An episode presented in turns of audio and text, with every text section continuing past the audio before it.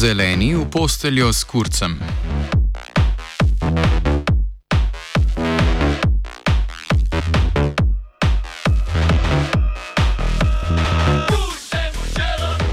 Dolgotrajna koalicijska pogajanja avstrijskih parlamentarnih strank so se končala. Naši severni sosedi se obeta nenavadna vlada nepričakovanih koalicijskih partnerjev, konzervativne avstrijske ljudske stranke, ki je s Sebastianom Kurcem na čelu vladala že v prejšnjem mandatu in na zadnjih volitvah še izboljšala svoje prepričljivo vodstvo pred ostalimi strankami, ter zelenih.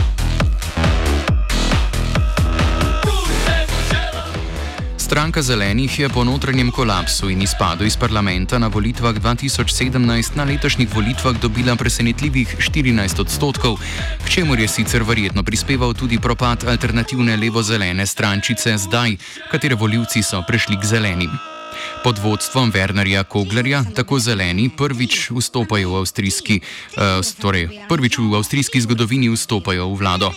Sodelovanje tradicionalno levih zelenih s konzervativno ljudsko stranko niti ni tako zelo presenetljivo, kot se morda zdi na prvi pogled. Koalicijska pogajanja med strankama so potekala že leta 2002, a so propadla. Med drugim tudi zato, ker je bilo tedanje vodstvo zelenih obtoženo izsiljevanja članov, ki so koaliciji nasprotovali. V notranjih bojih, ki so stranko pretresli pred dvema letoma in zaradi katerih so zeleni za kratek čas izpadli iz parlamenta, pa se je odcepil radikalnejši strankin podmladek, ki je oblikoval skupno listo s komunistično stranko. Zeleni so torej očiščeni levih radikalcev trenutno edina dovolj velika stranka v avstrijskem parlamentu, ki je sposobna vstopiti v vlado s konzervativci.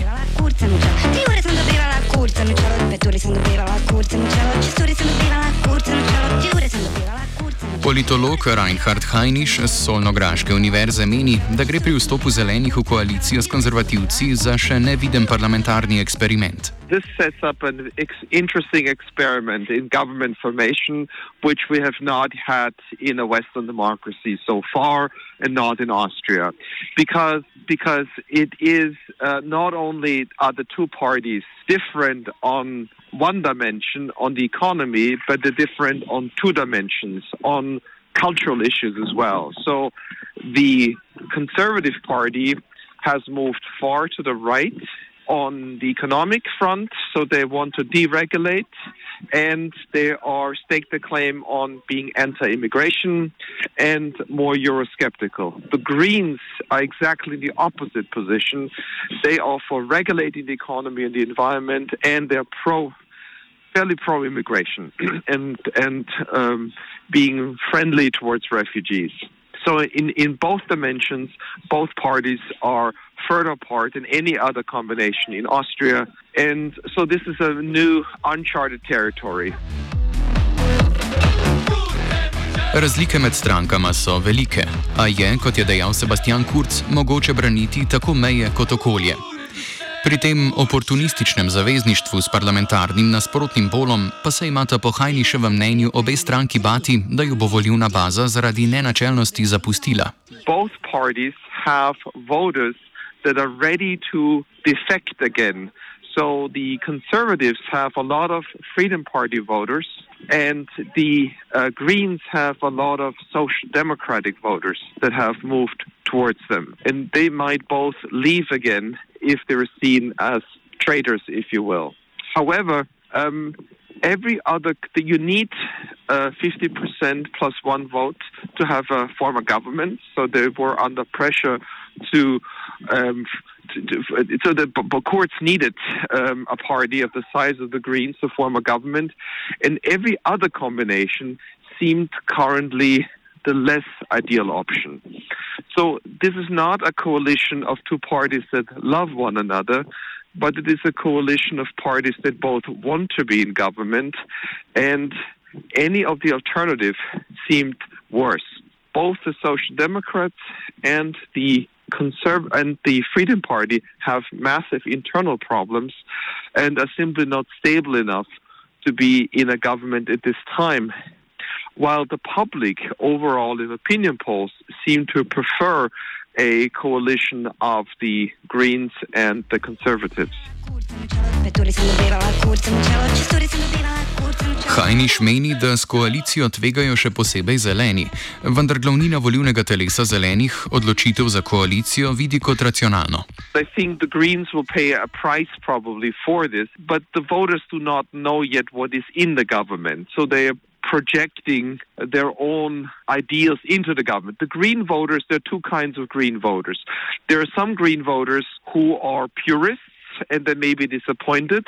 But there are, of course, other Green voters who want the Greens to be in government because what is the alternative? The alternative would have been a Freedom Party conservative government, which, from a Green voter perspective, is the worst option. So if you turn it around, the Greens will say to their base, and the Greens the government is not final yet. The Green base has to vote on it yet. This will be this weekend. But the Green leadership will say to the Greens, well, if you don't endorse our deal, the problem will be that the Conservatives will either have a new election and the Conservatives will be even stronger.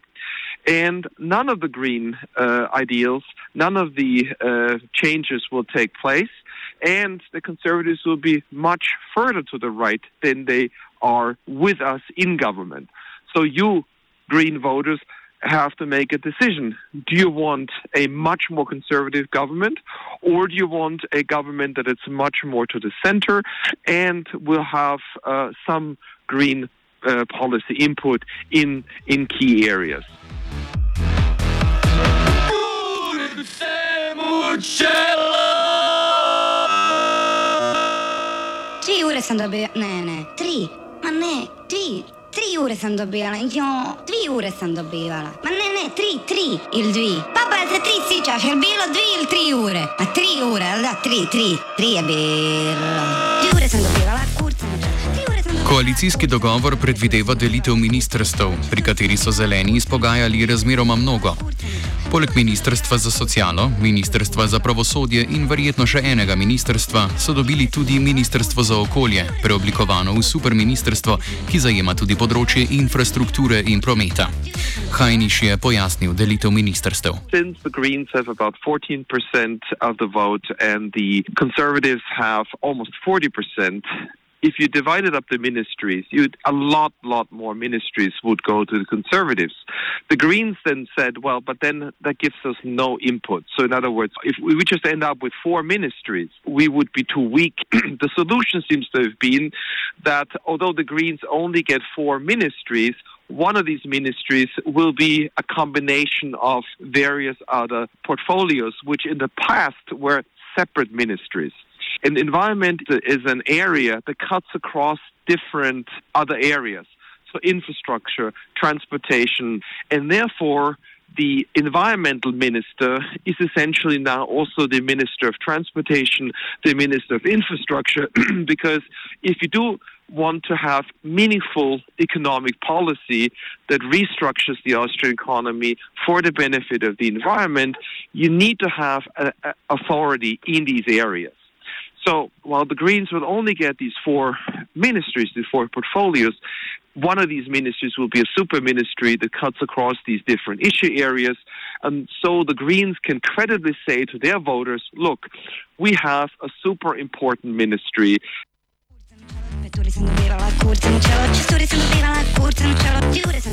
Zeleni bodo dobili tudi Ministrstvo za pravosodje, ki je še posebej relevantno pri korupcijskih aferah, ki so med drugim spodnesle tudi prejšnjo vlado, natančneje prejšnje koalicijske partnerje konzervativcev, skrajno desne svobodnjake. Ministrica, ki obljublja, da bo bdela nad transparentnostjo in raziskala pretekle grehe parlamentarcev, je Alma Zadič, ki je v Avstrijo prispela v 90-ih kot begunka iz Jugoslavije. Pomen Ministrstva za zelene pojasni Hajniš. Um, the other ministry that's also important is justice, which the Greens will have, and this is because um, the idea of transparency and of uh, investigating. Um, crimes of the previous government and corruption. That also is a big issue for the Greens, and the Greens will have that ministry. So the, the idea is the super ministry and the justice ministry. These are areas where the Green voters care very much, and the Greens will be able to say to their voters, we have that under our control. Vendar pa koalicijski dogovor ni tako prijazen do vseh beguncev. Kolegica jugoslovanske begunke bo namreč Suzane Rab, ministrica novega ministrstva za integracijo, seveda v rokah ljudske stranke, ki že napoveduje boj proti političnemu islamu.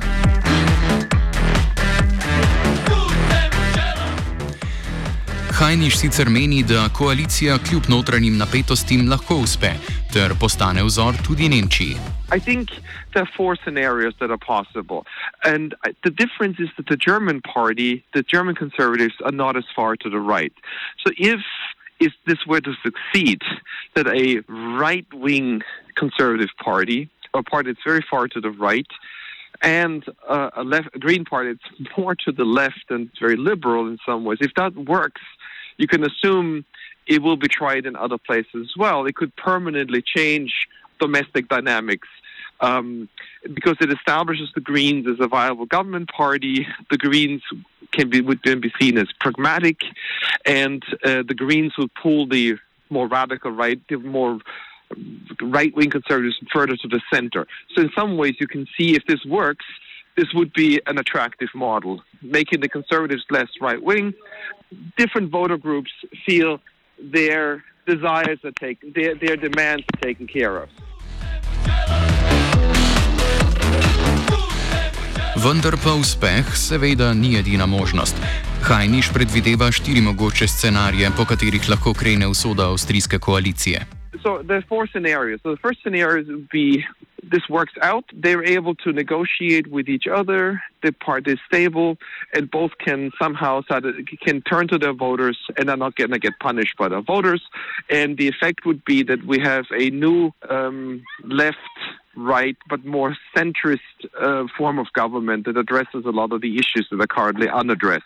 So it could be a model. The other scenario is the government does work well together, but only the conservatives are able to uh, claim credit and are able to, to be successful. In that case, this government would only last one period, if it even lasts all the time. And uh, a lot of Green voters would probably move back to the Social Democrats. Uh, the third scenario is that you have the government does not work well together and um, in both cases, uh, voters uh, leaving government, conservative voters return to the Freedom Party, Green voters return to the Social Democrats, or we have constant infighting. The fourth scenario is infighting from the start. Um, the experiment fails very quickly. It discredits green conservative coalitions, not just in Austria, but also internationally. And, um, and then we probably see in the future in Austria uh, a reemergence of a conservative right wing government or conservative minority government.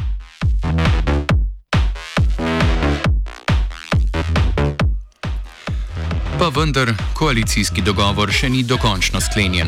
O vstopu v koalicijo bodo zeleni glasovali še na strankinem kongresu konec tedna. The next thing is that you have to watch is how the Greens will vote. So they have to put this to a vote this weekend.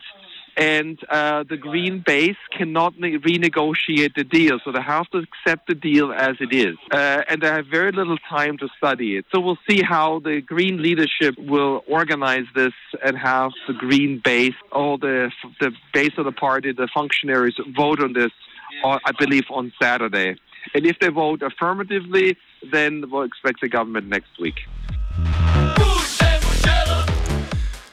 Vendar pa zavrnitev vstopa v koalicijo ni zelo verjetna in Avstrija bo najverjetneje s kurcem na čelu varovala svoje okolje pred nuklearno energijo in begunci.